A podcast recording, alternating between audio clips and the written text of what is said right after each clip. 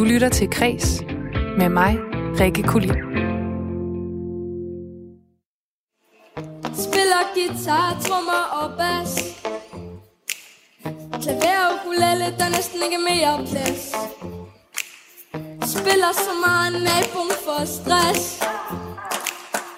Spiller så meget, det sidste gør nas.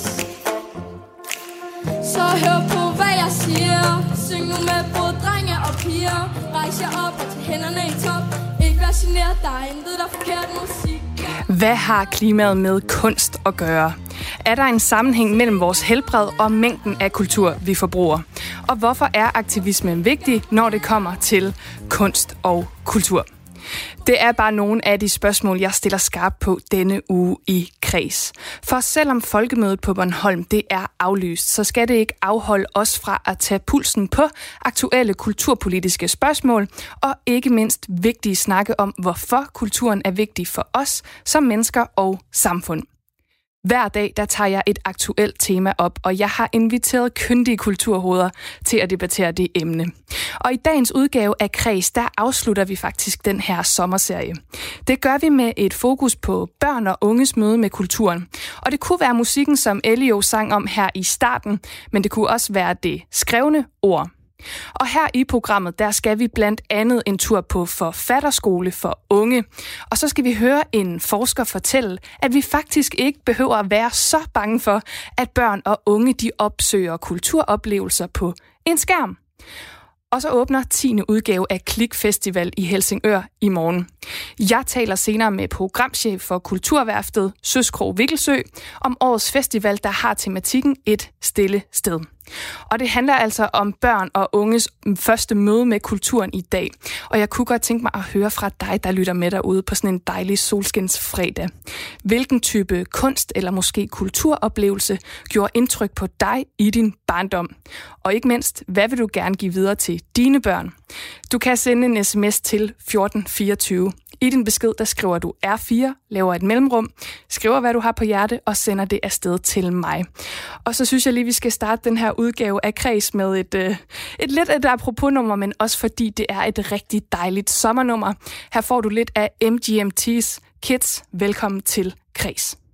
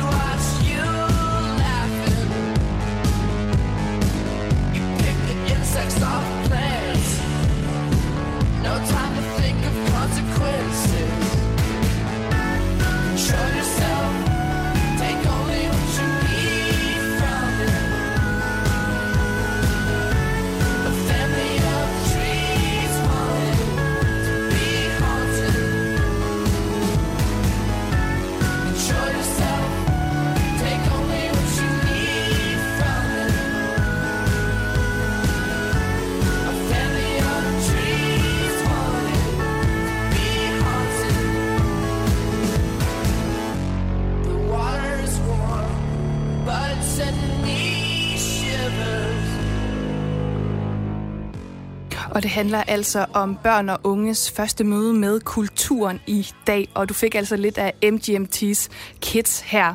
Og jeg kunne godt tænke mig at høre fra dig, der lytter med. Hvilken type kunst eller kulturoplevelse gjorde indtryk på dig i din barndom? Og hvad vil du gerne give videre til dine børn? Jeg selv må indrømme, at øh, sådan noget som Bamse og Mumitrollene, det gjorde øh, stor indtryk på mig, og jeg har faktisk en øh, tatovering af Lille My på min skulder. Så det er et stykke kultur, der bestemt har, har ramt mig. Men inden vi dykker helt ned i dagens tema, som er børn, unge og kultur, så har jeg selvfølgelig et overblik over de vigtigste kulturnyheder med til dig.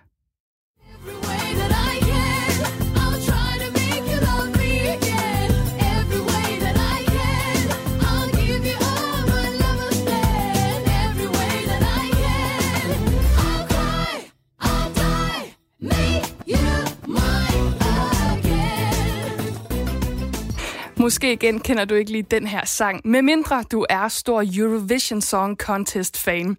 Det er nemlig den tyrkiske sangerinde Sertab Erener, der med sangen Every Way That I Can vandt verdens største sangkonkurrence tilbage i 2003. Og her afslører jeg måske, at jeg er, eller i hvert fald tidligere har været stor fan af Eurovision.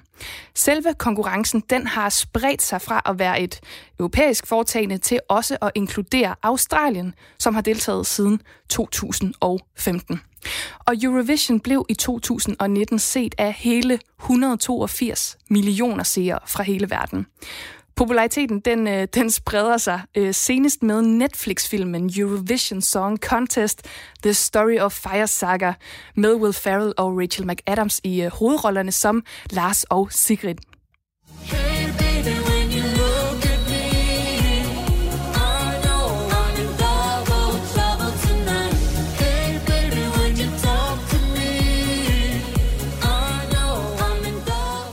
Ja, her var lidt fra sangen Double Trouble fra filmen. Det er dog ikke Rachel McAdams selv, der synger. Det er Will Farren, øh, Farrell, som øh, er den mandlige stemme, men det er den svenske sangerinde Molly Sandén, som øh, lægger stemme i filmen. Nå, men al den her indledende snak, den fører rent faktisk til en nyhed, som kommer ret perfekt i kølvandet på filmen. Fordi amerikanerne, de får nemlig en pangdang til det europæiske Melodi Grand Prix, Eurovision Song Contest. Og øh, det får det meget originale navn American Song Contest.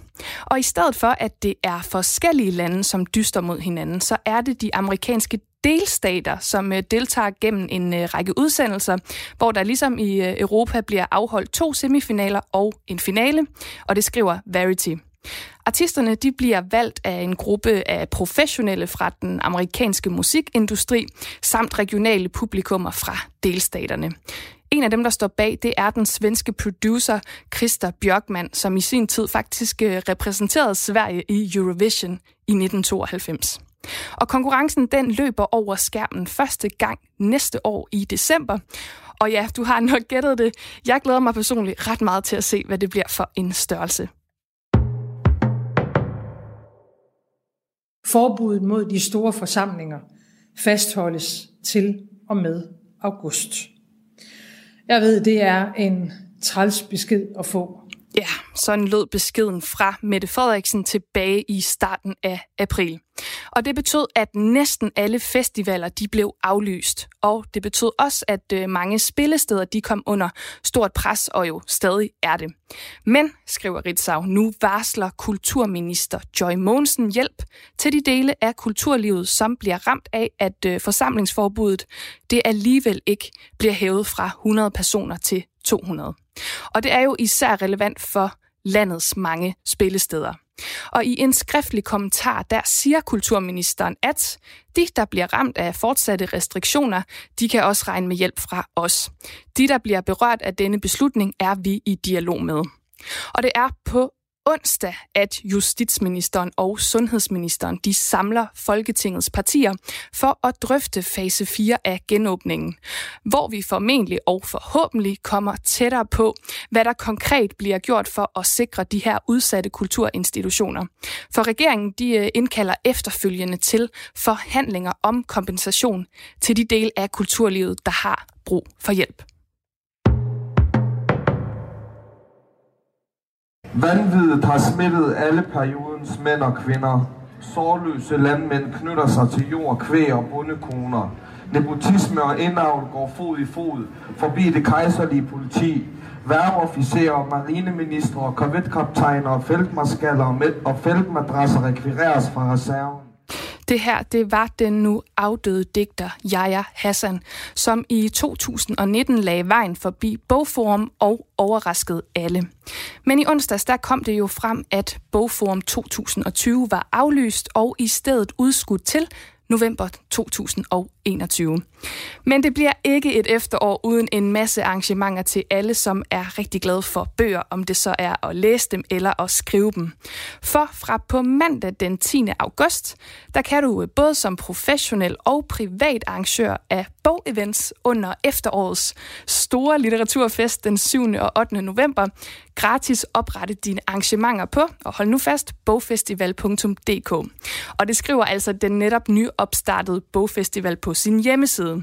Den foregår i hele Danmark, og bag den der står Gyldendal og Politikens Forlag. Og Gyldendal de kommer ud over bogfestivalen også til at lave arrangementer på forlaget og andre steder, hvis forholdene selvfølgelig tillader det. Du lytter til Kres med mig, Rikke Kulin. Nu skal vi til dagens tema, børn og unges første møde med kulturen. Hvordan sikrer vi os, at børn og unge, og det er uanset baggrund, de møder kunst og kultur i løbet af deres opvækst? Og hvad skal de overhovedet med litteratur, musik og teater, hvis de gerne vil være advokater eller læger? Det er nogle af de spørgsmål, vi zoomer ind på i dag, og jeg vil gerne høre med fra dig, der lytter derude. Hvilken type kunst eller kulturoplevelse gjorde indtryk på dig i din barndom?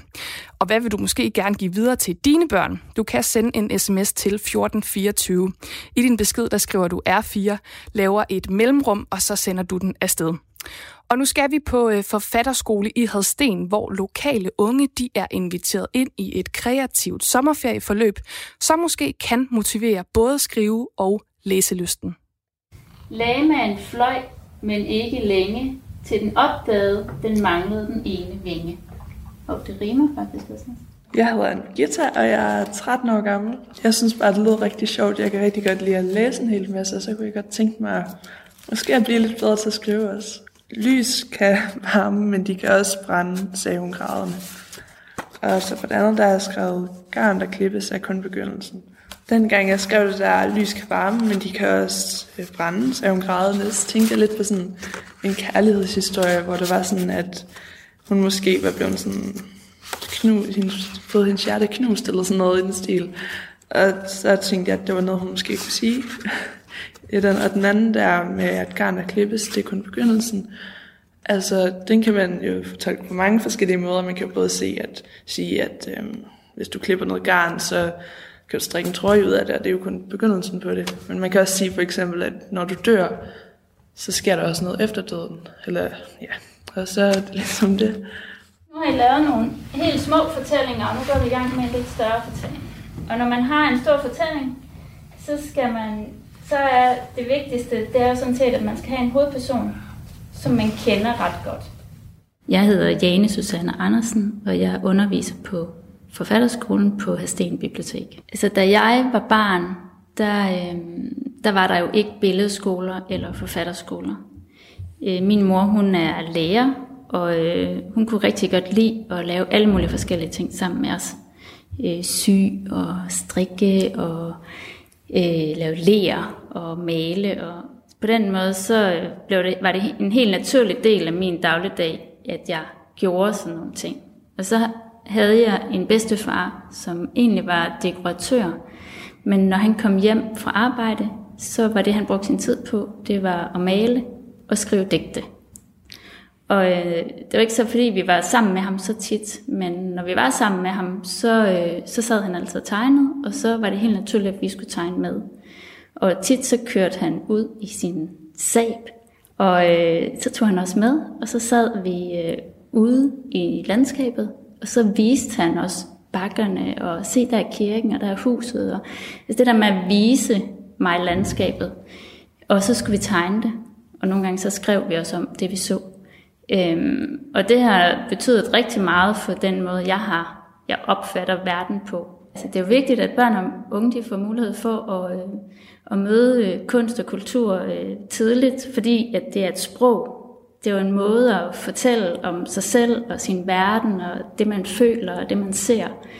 Øhm, så så det, synes, det er derfor, jeg gerne vil, øh, vil give børn den mulighed at, og, og opleve, hvordan det er at øh, male et billede, som faktisk viser noget om, hvem man er, eller hvad man gerne vil udtrykke, eller man kan skrive en fortælling, som, øh, som man er glad for, og som man har givet en en oplevelse at skrive, øh, men som også kan fortælle noget om, hvem man er, øh, og hvad man synes, der er vigtigt i livet. Øh, det er vigtigt, at øh, når man skriver en fortælling, at man så kender de personer, som man skriver om. Så derfor så er det første, vi gør, før vi overhovedet går i gang med at skrive, øh, det er, at I laver sådan et kort her, som er et hovedpersonskort, og der skal I skrive navnet på jeres hovedperson, og I skal skrive, hvilken alder jeres hovedperson har. Altså, man underviser børn i at skrive på mange forskellige måder, tror jeg. Jeg tænker ikke, at der er en øh, metode, som er den rigtige. I virkeligheden så handler det om, at man giver børnene muligheden og tiden til at fordybe sig i at skrive noget, som de godt kan lide. Altså det inspirerer mig altid, når jeg møder øh, de unge og børnene. Øh, I hvert fald rigtig mange gange, så får jeg nogle idéer fra dem, og jeg tænker, nej, hvor er det egentlig fantastisk, hvad de har tænkt her. Jeg hedder Eva Marie, og jeg er 11. Og du har skrevet nogle gule sædler. Vil du prøve at læse op, hvad du har skrevet? Øhm, ja. Øh, en af dem er, alt kan være uhyggeligt, men det uhyggeligste er at miste. Hvad har du tænkt, dengang du skrev det? Øhm, jeg tænkte sådan lidt, øhm, jeg har selv sådan prøvet nogle uhyggelige ting, men det uhyggeligste, jeg nok har prøvet, det er at miste nogen sådan fra livet. Det kan godt være sådan ret uhyggeligt. Jeg hedder Ulla Knudgaard Fisker, og jeg er leder af Bibliotek og Kulturhuset i Hinderup og en del af den samlede leder for Favreskov Bibliotekerne. Vi holder en forfatterskole her i dag øh, på øh, biblioteket her i, i Sløjfen i Hastagen. Men det vil alligevel de færreste af de børn, der sidder derinde, der skal være forfatter. Så hvad skal de egentlig bruge det til, hvis de gerne vil være advokat eller læge? Jamen det er rigtigt. Det er jo nok de færreste, der, vil, øh, der bliver øh, hvad hedder det, øh, forfatter efter de har mødt øh, og været i skriveworkshoppen i dag. Det er jeg helt med på. Men det handler jo også om at, at måske... Øh, få nogle nuancer ind, altså øh, føle, at man, man øh, får nogle, nogle nye ting i sit sprog, øh, så man øh, kan udtrykke sig øh, mere mangfoldigt og nuanceret, og, og måske føle, at man mestrer sproget lidt bedre, og skrivningen lidt bedre, når man møder i skole om nogle uger igen. Altså sådan, man bliver, bliver tryg ved det, og, og, øh, og, og det handler også om at prøve nogle ting af. Altså den der perfekthedskultur, som, som mange har, eller øh, føler, man skal være så perfekt, det, det skal man ikke. Man skal ture og afprøve nogle nye ting. Ture og bare skrive igennem, altså og, og, øh, og føle en stolthed, finde ud af, hvad man er god til. Og der bliver man altså nødt til at prøve nogle ting af. Hvis vi vil have en, en fremtid og, og børn, der er innovative og tænker nyt, så bliver vi nødt til at, at, at, at give dem nogle muligheder for at være kreative i forskellige sammenhænge. Jeg mener, at, at børn skal møde kunst og kultur, forskellige øh, former for, for kunstarter, og det er en rigtig, rigtig vigtig del af deres udvikling. Øh, hvis vi vil have uddannet hele mennesker, så nytter det ikke noget, at vi kun øh, udvikler på toppen af kroppen der er det også vigtigt, at, at vi tænker øh, det hele menneske ind. Og det er også rigtig vigtigt, at vi lader børn øh, udvikle sig og afprøve inden for forskellige kunstretninger. Det er musik, øh, det er teater, det er øh, litteraturen, øh, og, og nu i forhold til, til skriveværksted i dag. Øh, det er utrolig vigtigt at tænke det hele menneske og udviklingen der. Og, og når vi taler dannelse, så er det spørgsmål om, at, at børn skal møde kunsten Børn skal møde kulturen. Og det får de ved særlige lejligheder, når vi inviterer ind på bibliotekerne i Favreskov Kommune til en stor teaterforestilling for eksempel. Øh, og det er rigtig fint og en god øh, strategi og, og, og målsætning at have. Men det handler også om at få det ind i dagligdagen, sådan at børn møder det i deres hverdag, og at det bliver et element, et naturligt element, at den måde, de tænker på, det, de interesserer sig for, og tænke kunst og kultur også. Jeg synes jo, der er plads til forbedring i forhold til, hvor meget vi gør for børns øh, øh, kulturelle dannelse i dag. Øh, der kunne vi godt øh, bidrage noget mere, øh, give nogle flere muligheder for, at børn er udøvende øh, inden for kultur, øh, kunst. Og helt fra de er små. Altså bidrage med, med billedkunst, med musikken, med litteraturen, helt fra, fra dagtilbudsområdet, sådan at de får øh, præsenteret øh, for eksempel sprog, øh, lytter til musik, få afprøvet sig selv i nogle sammenhæng øh, i billedkunst og den slags ting, sådan at det bliver en, en, en form, noget i deres dagligdag, hvor de øh, får arbejdet med, med kultur, med kunst og forskellige kunstarter. Og i Kulturmagasinet Kreds, der har vi jo nu her i de sidste 14 dage kørt nogle kultursamtaler, hvor vi har set på, hvad kunst og kultur kan bruges til. Og der har vi jo talt om øh, kulturøkonomi, og vi har talt om kultur og sundhed. Men det jeg også lidt hører dig sige, det er, at det er altså også vigtigt, at vi har brug for nogle rum, hvor øh, kulturen egentlig får lov til at stå for sig selv, altså som øh, en slags dannelse, og ikke som et instrument, der skal føre til en eller anden anden færdighed. Er det rigtigt? Ja, det, øh, det synes jeg er, er, er meget rigtigt. Jeg mener, at kunst og kultur skal man også bare kunne nyde for nydelsens skyld. Altså vi er øh, meget fortravlet og meget fokuseret og, øh, i vores hverdag. Og jeg mener, at vi skal have nogle rum, og øh, rum til fordybelse, men rum til eftertanke, men også rum til at, og, øh, at være kreativ. Hvis nu man gerne vil skrive om en, der er 22, eller 62, eller 88, så kan man jo sådan set også godt det, men det kræver bare, at man bruger sin fantasi rigtig meget til at forestille sig, hvordan det er at være 88, hvis man selv er øh, 10 år. Ikke? Hvad er det, du synes, der er sjovt ved at skrive? Um, jeg synes, det er sådan meget sådan, at man kan komme ud med ting, man tænker, og sådan følelser og sådan alt muligt. Det kan man bare skrive ned, og så kan man se, hvad der sker. Sådan ligesom, det er lidt ligesom at læse en bog. Man ved ikke, hvad der sker, undtagen hvis man har læst den før. Det var min kollega Lene Grønborg Poulsen, som havde besøgt forfatter sommerskolen i Hadsten. Og jeg har jo spurgt dig, der lytter med derude, hvad dit første møde med kulturen var i barndommen. Og Bodil, hun har skrevet, i barndommen at kunne sidde på Luciana og tegne. Og det lyder rigtig, rigtig idyllisk. Jeg har også fået en sms fra Pernille, som skriver, Enigmas Beyond the Invisible. En sang, der har skabt mig. Jeg hørte den første gang, da jeg var 11 år. Jeg synes, den var perfekt. Jeg havde mistet meget, så den gav mig håb og ro. Og jeg vil også gerne høre fra dig, der lytter med derude. Du kan sende en sms til 1424. I din besked, der skriver du R4, laver et mellemrum og sender den afsted. Og senere i programmet, der øh, skal det endnu en gang handle om børn og unges første møde med kulturen. Men nu skal det handle om noget lidt andet, og så alligevel ikke. Du lytter til Kres med mig, Rikke Kulin. I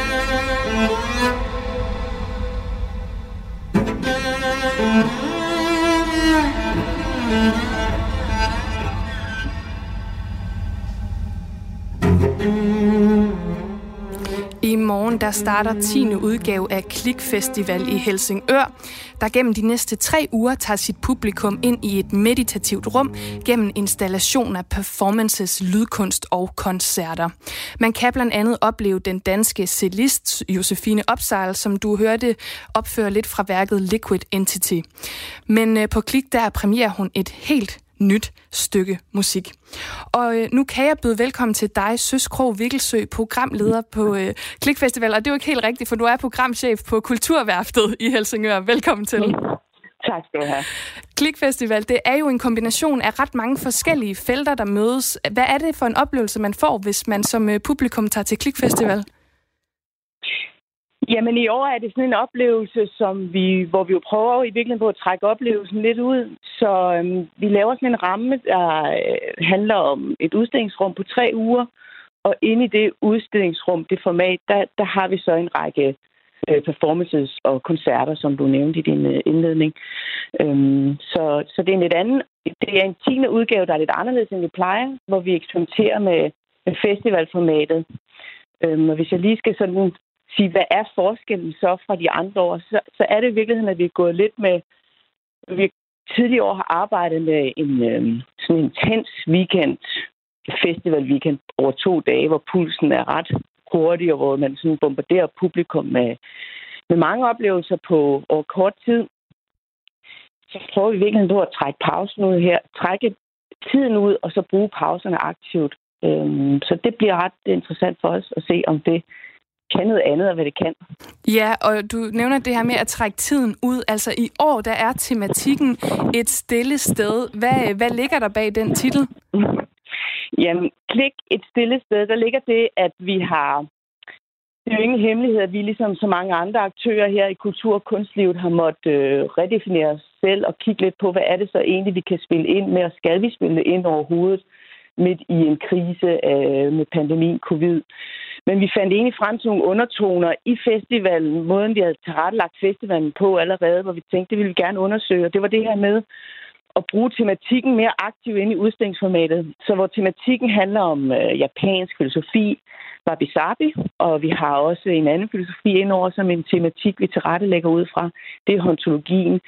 Det er begge to sådan nogle, nogle, mm, nogle filosofier, som trækker på øh, trækker på en fascination af atmosfære og nostalgi, og øh, Barbie Sabin trækker på det uperfekte, at det er også en kvalitet og forgængeligheden omkring os. Så det der med at vise en sårbarhed frem, måske i virkeligheden tage det frem i festivalen, og gøre det tydeligt og gøre det til en oplevelse, og, og måske tage kraften derfra i virkeligheden og give den videre til, til vores øh, gæster. Det synes vi er spændende. Ja. Det er det, vi står med her. Og så er der jo også øh, det særlige ved det, at øh, Klikfestival bliver afholdt i de her industrielle værftaller i, øh, i Helsingør. Hvordan kan de være med til at bidrage til publikums oplevelse af de værker og de performances, som er øh, under festivalen? Ja, men vi er simpelthen så heldige, at vi igennem øh, en årrække har mulighed for at, at, at lægge en del af, af festivalen over i de gamle værftaller. Det er tusindvis af kvadratmeter. Og det er jo nogle haller, der er blevet brugt øh, værftet lukket ned i 83 og, og, og havde jo været et et rigtig stort øh, værft igennem 100 år på det tidspunkt. Så de haller står sådan set ret rå, og der prøver vi på at arbejde konstruktivt med, med, med hallerne og lokalerne, de kæmpe store rum, altså sådan, så værkerne i virkeligheden vokser. Man kan sådan opleve, at værkerne vokser ud af lokalerne, men samtidig så er så kan man ikke rigtig se, hvor begynder det ene, og hvor slutter det andet. Så det er sådan en forsøg på at, at arbejde med historien og nostalgien og atmosfæren sådan aktivt inde i festivalen. Og hvis, altså jeg ved, at hvis man kan fremvise et øh, sygesikringsbevis som borger i Helsingør Kommune, så er det jo faktisk øh, gratis at opleve Klik Festival. Men hvis man nu sidder derude som lytter lige nu, ja. hvorfor er det så, hvis man nu ikke bor i Helsingør Kommune, at man skal komme til Helsingør i den her periode fra den 8. Øh, 8. til den 28. august, hvor festivalen den jo øh, løber af stablen? Jamen, øh, Helsingør byder jo på rigtig meget som provinsby. Altså dels det her med, at man kommer op til en ret defineret by, som er historisk, og, og vi har også Kulturhavn, hvor der ligger nogle meget sådan, fine institutioner, som, som jo altid besøger ved Søfartsmuseet og Kronborg. Øhm, og hele området er i sig selv sådan ret interessant.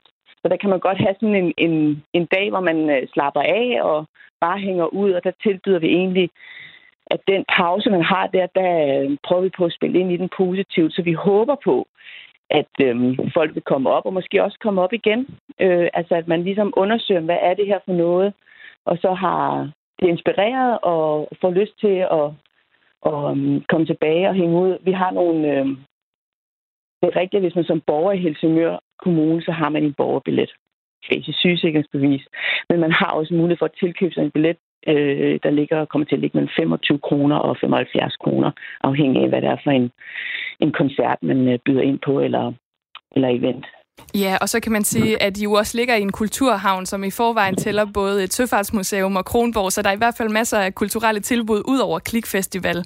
Men ja. Søs Krog Vikkelsø, hvis man så kommer til festivalen, vil du så ikke lige her til sidst anbefale noget, som man kan opleve fra programmet? Jo. Altså, vi er jo ikke en festival, der arbejder med headliners, så det er jo rigtig svært for mig men, øh, at sådan byde ind. Men jeg har i hvert fald nogen, som jeg gerne vil, øh, vil pege på. Jeg vil gerne pege på Togo øh, Sauvage, som starter vores festival her i morgen. Hun arbejder, en kunstner fra Japan, så arbejder med is, altså hun har isskulptur.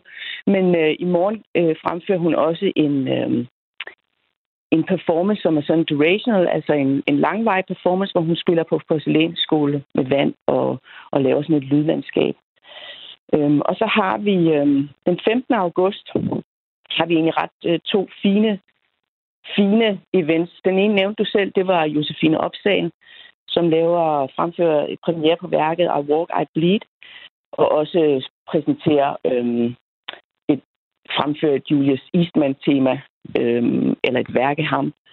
Og der har vi også DJ Vad øh, med en premiere, øh, og han arbejder også med ontologi, så han har sådan været rundt det værk, man kommer til at høre der og lytte til og være en del af. Det er et værk, han øh, baserer på lyde fra værftallerne, hvor han har været rundt om natten og optaget gennem en periode. Så det er sådan ret autentisk. Og den sidste, jeg vil nævne, det er Vanessa Amara over i vores øh, smukke, fine domkirke. Og det er den øh, 26. august. Det er også en premiere i Lydværk over et par timer, som arbejder sammen med, med Aarhus og, og lydene fra, fra Aarhus Piber. Ja, masser af gode anbefalinger, og det er altså på Klikfestival, som øh, starter i morgen den 8. august og øh, forløber ind til den 28. august. Tak fordi du var med, Søs Krog Vikkelsø, programchef på Kulturværftet i Helsingør. Velbekomme. Du lytter til Kres med mig, Rikke Kulin.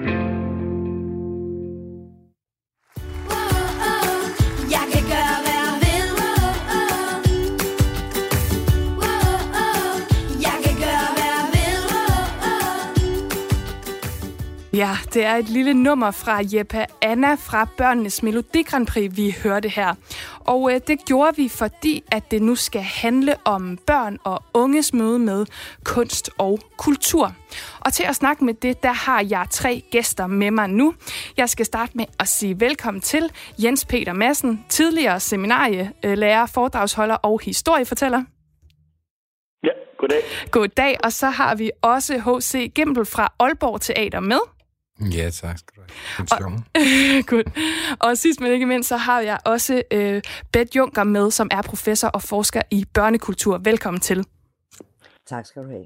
Lad os øh, lige starte med en kort præsentationsrunde. Vi kan jo starte med dig, Jens Peter Madsen. Du arbejder med formidling af øh, fortællinger øh, med og til børn. Hvordan gør du det konkret?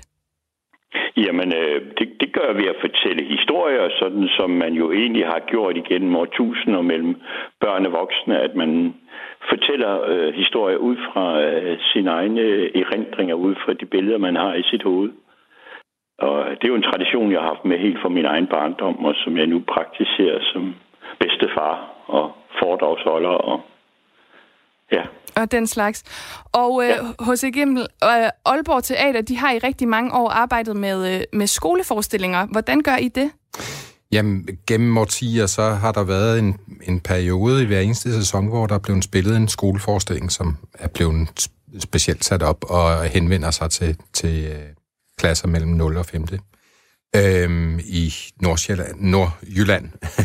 og øh, det, det er så udbredt brugt, at omkring 80 procent af, af børn under 12 år er, er i teateret hvert øh, år. 80 procent af de børn i Nordjylland er i teateret hvert år gennem deres skole, så det er jo meget, meget øh, udbredt mm. brugt. Og det er jo så alle slags forestillinger, der har været vist der, lige fra Gummitarseren til, til Pinocchio, som vi skal lave i år, øh, og Hans og Grete, som vi lavede sidste år, og Fyrtøjet og så videre. Ja, og jeg skal bare lige høre, for I havde på et tidspunkt en tese om, at der faktisk var en særlig gruppe unge øh, i byen, som ikke var interesseret i teater, men det viste sig så ikke helt at holde stik. Kan du ikke lige fortælle os den historie? Jamen, det var, at vi var i gang med at lave et publikumsudviklingsprojekt på teateret, øh, hvor vi havde en tese om, som det jo er rigtig mange steder i, i Danmark, og som alle andre publikumsundersøgelser viser, at det er en bestemt gruppe af unge der, og voksne, som ikke kommer i teateret, fordi de jo øh, meget tit ikke har det med hjemmefra at være i teateret. Øh, det er tit folk fra øh, arbejderklassen, og eftersom Aalborg er en gammel industriby med en, utrolig stor arbejderklasse, tidligere arbejderklasse, så havde vi en tese om, at der er en del af dem, der ikke kom i teateret. Også fordi der er en, en stor gruppe af unge, som ikke kommer i teateret i Aalborg. Så det gik vi ud og undersøgt, og det viste sig faktisk, at, at der ikke var nogen karakter, øh, karakteristika af de unge, der, nogen specifik karakteristika af de unge, som der kom i teateret. Det var spredt ud over alle grupper. Øh, og en af de teser, så begynder man jo at danne nye teser, som man så undersøger, at det er vi i gang med nu. Øh, men en af de teser, som vi er i gang med at undersøge, det er jo selvfølgelig, hvor, hvor meget det har påvirket øh, de unge, der er deroppe, at de i løbet af deres barndom har været i teateret, et, ikke bare én gang, men flere gange. Ja, og vi skal jo snakke lidt mere om senere, øh, hvordan det kan påvirke de unge at, øh, og børnene at, at, møde kulturen. Men jeg vil også gerne have dig på banen, Bette Junker, fordi du har jo forsket i børnekultur. Så jeg kunne godt tænke mig at høre fra dig, altså i, i hvilke sammenhæng møder børn og unge så kunst og kultur i dag? Ja, nu har vi jo øh, lige hørt øh, to sammenhænge. Æh, de møder øh, Jens Peter, når han kommer og øh, fortæller, og nogle gange er det biblioteker, der arrangerer det, og andre gange øh, kommer han vel også i daginstitutioner og på skoler. Og øh, de møder øh, kunst og kultur i skolen og sammen med skolen. Men heldigvis øh, møder de også kunst og kultur i deres fritid, sammen med øh, familie, sammen med øh, kammerater. Øh, så øh, mulighederne for at øh, møde kunst øh, og kultur er øh, i dag øh, pænt gode. Og vi kommer lidt ind på øh, sådan i forhold til nye teknologiske platforme bagefter, men Jens Peter Madsen, jeg kunne godt tænke mig at høre fra dig. Kan du ikke give et eksempel på en type historie, øh, du øh, arbejder med? Altså fortælle en historie? Ja, jeg har nemlig hørt rygter om, at der er en lille kort fortælling på et par minutter. ja, det kan jeg da gøre, ja. ja. Den får I så. Altså, jeg, jeg arbejder ud fra, at øh, det handler om at fortælle børn noget, som er det samme dengang jeg var barn, som øh, det er at være barn i dag. Og vi er så vant til at fortælle noget, som er anderledes, men i virkeligheden er der rigtig mange ting, som er det samme. Og øh, min barndomshund, den hed Hansa. Og Hansa og jeg, vi var bedste venner. Og øh, vi sad på, tit på trappen uden for vores hus. Og så holdt jeg om ham, og så fortalte jeg ham om alle de ting, som jeg gik og tænkte på, og alle de ting, som jeg gerne ville. Og han så kiggede på mig med sine glade øjne. Og øh, nogle gange, så slikkede han mig op omkring næsen. Det kildede på sådan en mærkelig måde, og så lugtede det ikke ret godt. Men det gjorde jo ikke noget, for Hansa han var min hund. Og Hansa, han var et vejkryds i flere generationer, sagde de voksne. Jeg vidste ikke helt, hvad det betød, men far han sagde, at det var når en hanhund og en hundhund mødte hinanden ved et vejkryds. Så kunne der komme hundevalpe ud af det. Og når de der hundevalpe så voksede op og blev store, så øh, kunne de måske igen møde en hanhund eller en hundhund ved et vejkryds. Og så blev det vejkryds i flere generationer. Og sådan en hund var Hansa. Og det betyder, at det er lidt svært at sige, hvordan han sådan egentlig så ud. For øh, når man så ham bagfra ved halen, så lignede han mest sådan en cheferhund. Og så man ham fra siden, så var han, så var han klunte som sådan en labradorhund. Og så man hans hoved fra siden af, så var den dækket af et par meget lange ører med krøller på. Og så man ham om forfra, så så man den lille spidse næse og de to glade øjne. Og det ene øje, det var en lille smule skævt. Og det var fordi, at dengang han så han var hundevalp, så vidste han ikke, at man ikke måtte løbe efter hønsene. Og en dag så fik han et los af fars træsko. Og siden den tid, så var han en lille smule skæv i hovedet. Men det gjorde jo ikke noget. For han, han var min hund. Det var altså et øh, eksempel på en historie, og den kommer jo, kan man sige, Jens Peter Madsen, fra en af de første traditioner, vi har haft i forhold til at formidle, nemlig den mundtlige tradition. Ja. Men øh, nu har vi jo de nye medieplatformer, og dem kunne jeg godt lige tænke mig at, at spørge jer alle tre om, fordi mange forældre og pædagoger, de er jo bekymrede over udviklingen og, og oplever, at børn de måske bruger for meget tid på skærmen. Hvad tænker I om det, hvis vi starter med dig, H.C.? Jeg har det meget blandet med det i virkeligheden. Jeg, jeg, jeg har det mere sådan som, at, at øh, forældre har øh, måske en et, øh, tendens til at trække sig, når deres børn er omkring en skærm. Og det er jo tidligere noget, man har været fælles om. Og når man går ind og blandt andet også kan hjælpe børn med at være med, ved at øh, håndtere det, at være på nettet osv., så så tror jeg, det er vigtigt at være sammen med børn, børn om det. Og det tror jeg ikke, man kan være for meget. og man kan lave alt muligt på nettet sammen og gøre noget sammen. Men det er, når de sidder alene og bliver isoleret, og når, når, det, når de på den måde bare bliver sat hen i en hjørne med en, med en skærm, så kan det have en farlighed over sig, tror jeg. Altså det handler om, et, om at skabe et fællesskab omkring Ja, det. lige præcis, ligesom det gør med al mulig anden kultur. Ja. Øh, og Bet Junker, du forsker jo i det her, så jeg kunne godt tænke mig at høre dit perspektiv på det spørgsmål. Altså, er det, hvordan ser du udviklingen i forhold til, at børn og unge jo bruger rigtig, rigtig meget tid foran en skærm? Jeg vil lige sige, at øh, forældre har altid været bekymrede for deres børn i forhold til kunst og kultur. Mine forældre øh, synes, jeg læste for meget, og at jeg skulle gå ud og lege øh, noget mere. Så den her øh, bekymring øh, i forhold til de øh, nye medieplatforme er jo ikke ny. Men øh, til den kan man øh, sige, at det er også vigtigt at tage øh, sit forældreansvar alvorligt. Så øh, hvor meget skærmtid øh, børn øh, får øh, mulighed for, ja, det hænger jo også sammen med øh, nogle forældre, der måske så lige siger, at vi vælger at være sammen på nogle andre måder nu. Men bortset fra det, så synes jeg, at vi skal være uendelig glade for øh, computer, iPads, øh, mobiler, for der åbner sig en række kunstneriske og kulturelle muligheder øh, for børn, som er øh, rigtig, rigtig spændende. Både ting, de øh, aktivt øh, kan gøre, lave film øh, osv., og ting, de øh, kan møde. Så øh, jeg deler ikke den her grundlæggende bekymring øh, i forhold til de øh, nye platforme. Den eneste del af den, jeg måske deler, det er, at øh, det kan være svært at øh, sortere øh, i forhold til øh, de ting, som øh, faktisk er ubehagelige for børn at møde, hvis de farer rundt.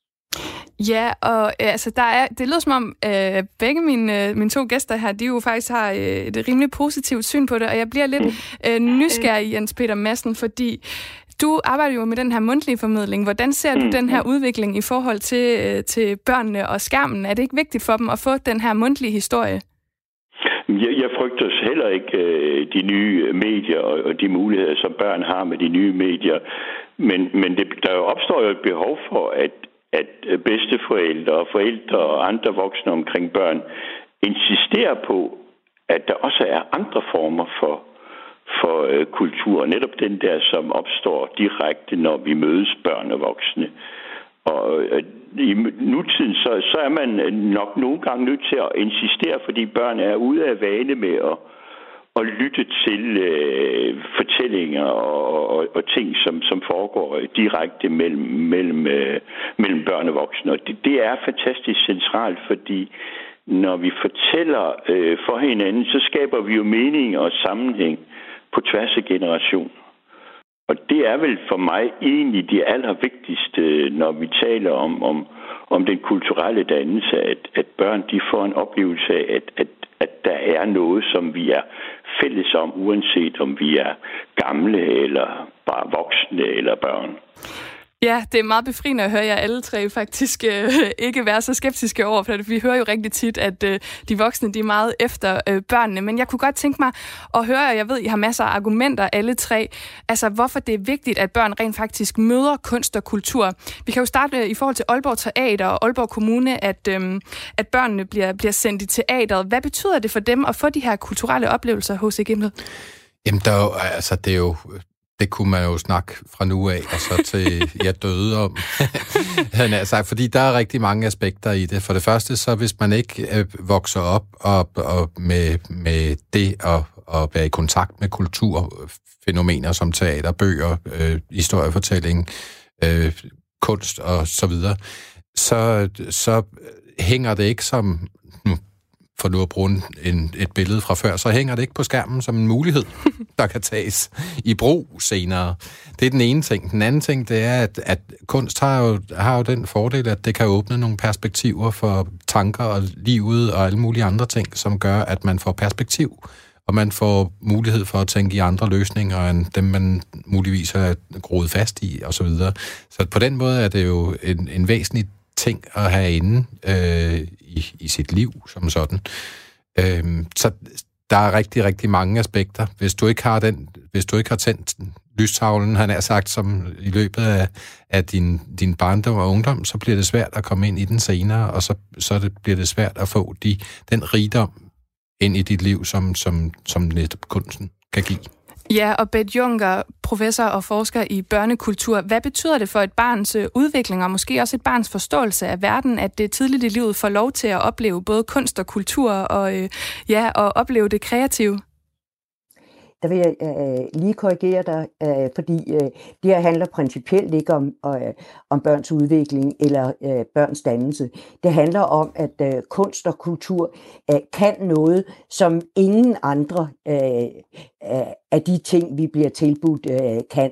De kan få os øh, til at se os selv, få os til at møde os selv på andre måder, og dermed øh, skabe, om jeg så må sige, kendskabet til os selv, grænserne til, til andre.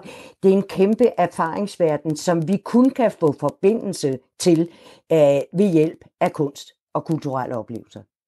Det var meget klart, øh, klart tale, og jeg, jeg kommer til at spørge lige om lidt, hvordan det står til på det her område lige nu. Altså om børn og unge, de egentlig får nok kulturtilbud. Men Jens Peter Madsen, når du er ude og fortælle og formidle de her historier til børn, hvad er det så for nogle øh, børn og unge, du møder? Altså hvordan oplever de øh, at, at opleve det, som du øh, formidler?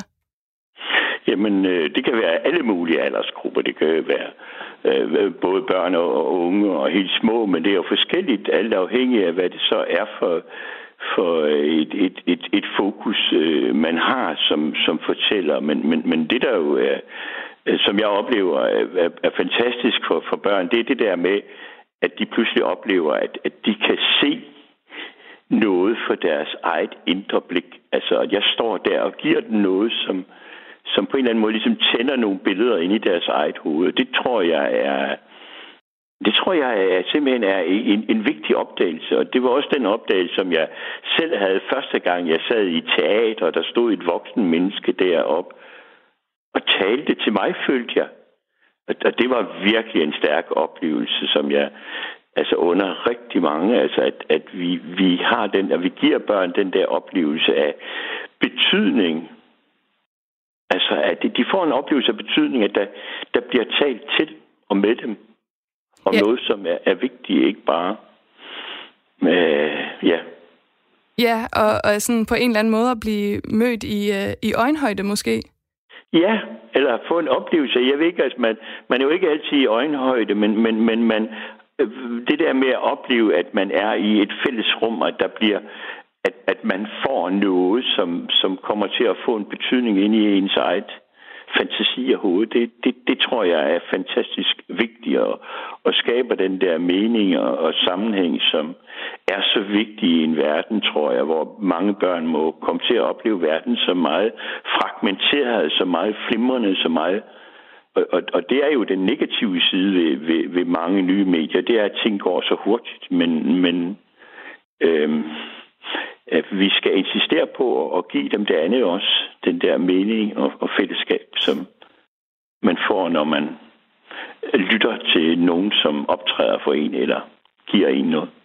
Ja, og så vil jeg lige vende tilbage til dig, Bette Juncker, fordi øh, du øh, satte mig jo lidt på plads før i forhold til, hvor vigtigt det egentlig er, og jeg kunne godt tænke mig at spørge sig, hvordan det så står til på det her område lige pt. Fordi hvis mange måske har det her skræmmebillede af, at deres børn de sidder helt isoleret og kigger på en, øh, en skærm dagen lang, altså får børn og unge nok kulturtilbud? Her tænker jeg også sådan øh, fra, fra kommunernes side og, øh, og, ja, og fra statens side for den sags skyld. Altså er der nok for børn og unge at øh, tage fat i, eller tage fat på, hvis man kan sige det på den måde? Altså øh, os, der øh, øh, ser på, oplever, deltager i øh, kunst og kultur, vil jo altid sige, at de aldrig kan få nok. Men øh, billedet øh, er faktisk øh, pænt positivt. Øh, det er jo sådan, at vi har en kulturpolitik øh, i Danmark, der siger, at alle børn skal møde kunst og kultur, alle kulturinstitutioner skal deltage, og alle kunstarter øh, skal inddrages. Øh, og den kulturpolitik øh, bliver så udmyndtet øh, i øh, forhold til skoler, i forhold til øh, daginstitutioner. Så øh, de børn, øh, der måske ikke har de mest øh, kunst- og kulturelt øh, aktive øh, forældre, i hvert fald øh, ved hjælp af deres øh, institutioner, øh, får mulighed for at møde kunst og kultur. Så er der de mere øh, privilegerede, som har nogle øh, aktive øh, familier, så de kommer i teatret, i biffen, ud og se dans, øh, ind og se museumsudstillinger øh, osv. Men øh, billedet øh, er, at der er øh, rigtig, rigtig mange muligheder for børn og unge. Det, der er rigtig vanskeligt, det, det er, hvordan når de dem? Og sørger vi nok for, at øh, vi på trods af øh, familier, på trods af økonomi, faktisk har åbnet et øh, kulturliv øh, for børn, som de kan opleve, bidrage til, deltage i. Og det blev altså det sidste ord for nu. Jeg vil sige tak til jer alle tre. Jens Peter Madsen, tidligere seminarielærer, foredragsholder og historiefortæller. Tak fordi du var med. Tak skal du have. Selv tak. Og Beth Junker, professor og forsker i børnekultur. Tak fordi du var med. Selv tak. Og ikke mindst H.C. Gimbel øh, fra Aalborg Teater. Rigtig god weekend til dig og til jer alle tre. Tak lige meget. Og det var altså det sidste kulturdebatprogram fra Kreds for nu. Husk, at du kan finde alle de her otte udsendelser med forskellige temaer som podcast. Og fra næste uge, der er Kreds tilbage som normalt. Vi har nemlig masser af gode værker på programmet. Og på tirsdag, der øh, sætter vi blandt andet fokus på dans og det nye program Danmarks Vildeste Danser. Og apropos dans, så vil jeg lige slutte af med en øh, nyhed, fordi jeg tror, at du kender den her sang. Now I had the time of my life. No, I never felt like this before. Ja, det er selvfølgelig uh, I've Had the Time of My Life fra Dirty Dancing fra 1987. Og den filmklassiker, den får sig en tor. Det skriver NME i dag. Og Jennifer Grey, som portrætterede Baby tilbage i den originale film, hun vender altså tilbage, og så er hun også producer på filmen. Og det bliver selvfølgelig desværre uden Patrick Swayze, men ikke desto mindre, så synes jeg, at vi skal gå på en dejlig solskins weekend med den sang. Om lidt der er der studiestræde med Christoffer Lind, som er en Beatles special. Og så vil jeg ellers bare ønske dig en rigtig, rigtig god weekend. Vi lyttes ved i næste uge.